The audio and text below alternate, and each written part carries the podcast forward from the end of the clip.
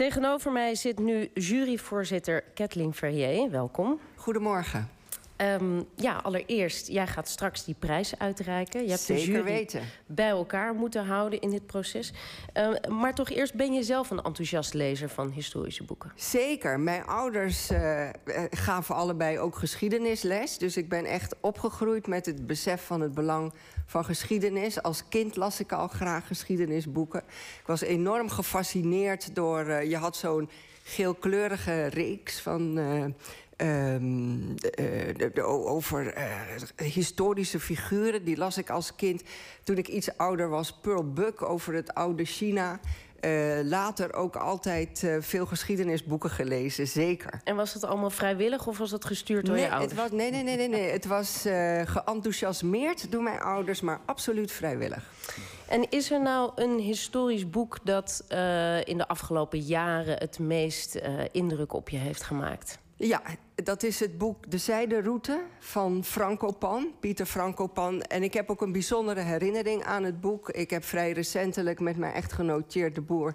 vijf jaar in Hongkong gewoond en gewerkt. En wij zijn van Hongkong naar Nederland teruggereisd in de trein. Uh, van Hongkong naar Beijing, een paar dagen Beijing. Van Beijing naar Moskou met de uh, Trans-Mansoerije-rail prachtige tocht. Een paar dagen Beijing. Van Beijing naar Warschau. Een paar dagen Warschau. Van Warschau naar Berlijn. Een paar dagen Berlijn. En van Berlijn naar Amersfoort, waar we wonen. nou, dat is precies. Uh, op dat moment hield ook de wifi op. Was de trein te laat. En we wisten, we zijn weer thuis. En het mooie was... Ik heb dat boek toen uh, gedurende die iets meer dan twee weken durende reis gelezen. En dat boek gaat er eigenlijk over hoe belangrijk het is dat je uh, vanuit een ander perspectief naar de geschiedenis kijkt. Dat je je probeert te verplaatsen in andere delen van de wereld. En dat je ook als uh, liberale democratie, als westerse wereld, zeg maar, je er eindelijk van bewust wordt dat jouw manier van kijken, jouw staatsvorm, democratie, niet de norm is.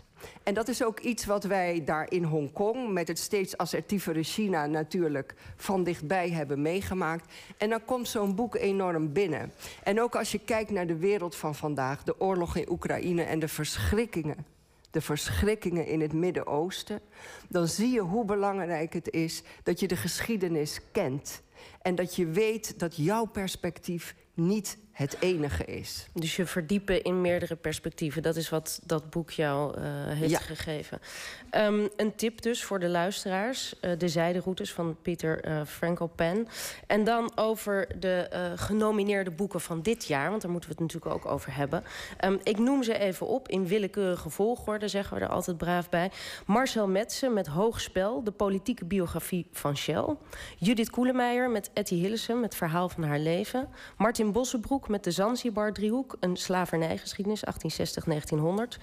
Leonard Blusset met de Chinese moord, de kolonisatie van Batavia en het bloedbad van 1740. Ivo van der Weideven met de macht van het verleden, geschiedenis als politiek wapen. En daar mag voor geklapt worden.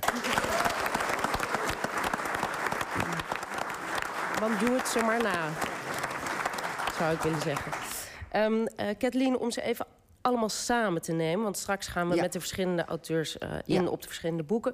Uh, waarom zijn juist deze boeken genomineerd? Kijk, als jury hebben wij de opdracht meegekregen... om een Nederlandstalig boek te kiezen... dat een algemeen publiek aanspreekt, dat origineel is in onderwerp en opzet... dat uh, gebaseerd is op gedegen historisch onderzoek en dat prettig leesbaar is. Dat echt een breed publiek aanspreekt. En um, ik heb heel veel bewondering voor de mensen die het totale aantal historische boeken dat dit jaar verschenen is, meer dan 400. Eerst teruggebracht heeft tot 40 en uiteindelijk tot 10, waar wij van hebben mogen smullen gedurende de zomer.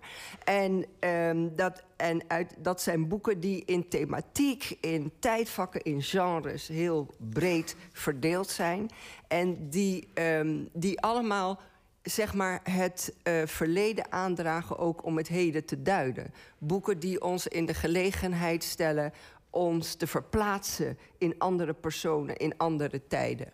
En ehm, dat is waar wij als jury naar gezocht hebben. En ik kan ook wel vertellen, dat mag ik misschien op dit moment al wel verklappen, dat het niet zo was dat, er, uh, dat het al vrij snel duidelijk was dat er een aantal boeken echt al bovenuit sprong. We hebben als jury, en ik kijk even naar mijn zeer gewaardeerde juryleden, zij mogen ook wel even een applausje krijgen.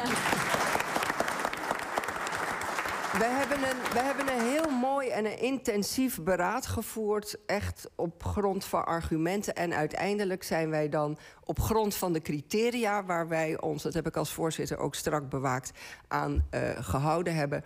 Tot een winnaar gekomen waar we ons echt allemaal in kunnen vinden. Goed, het was dus een gevecht, zeg je eigenlijk. Nee, dat zeg ik helemaal niet, mevrouw. Ik, wat ik zeg is, we hebben een mooi en intensief juryberaad... op grond van argumenten gevoerd. Goed. We gaan straks horen wat er uit, die, uh, uit dat mooie intensieve juryberaad is gekomen. Hartelijk dank, Kathleen Ferrier, juryvoorzitter van de Libris Geschiedenisprijs. We spreken je straks weer tegen 12 uur als de prijs wordt uitgereikt.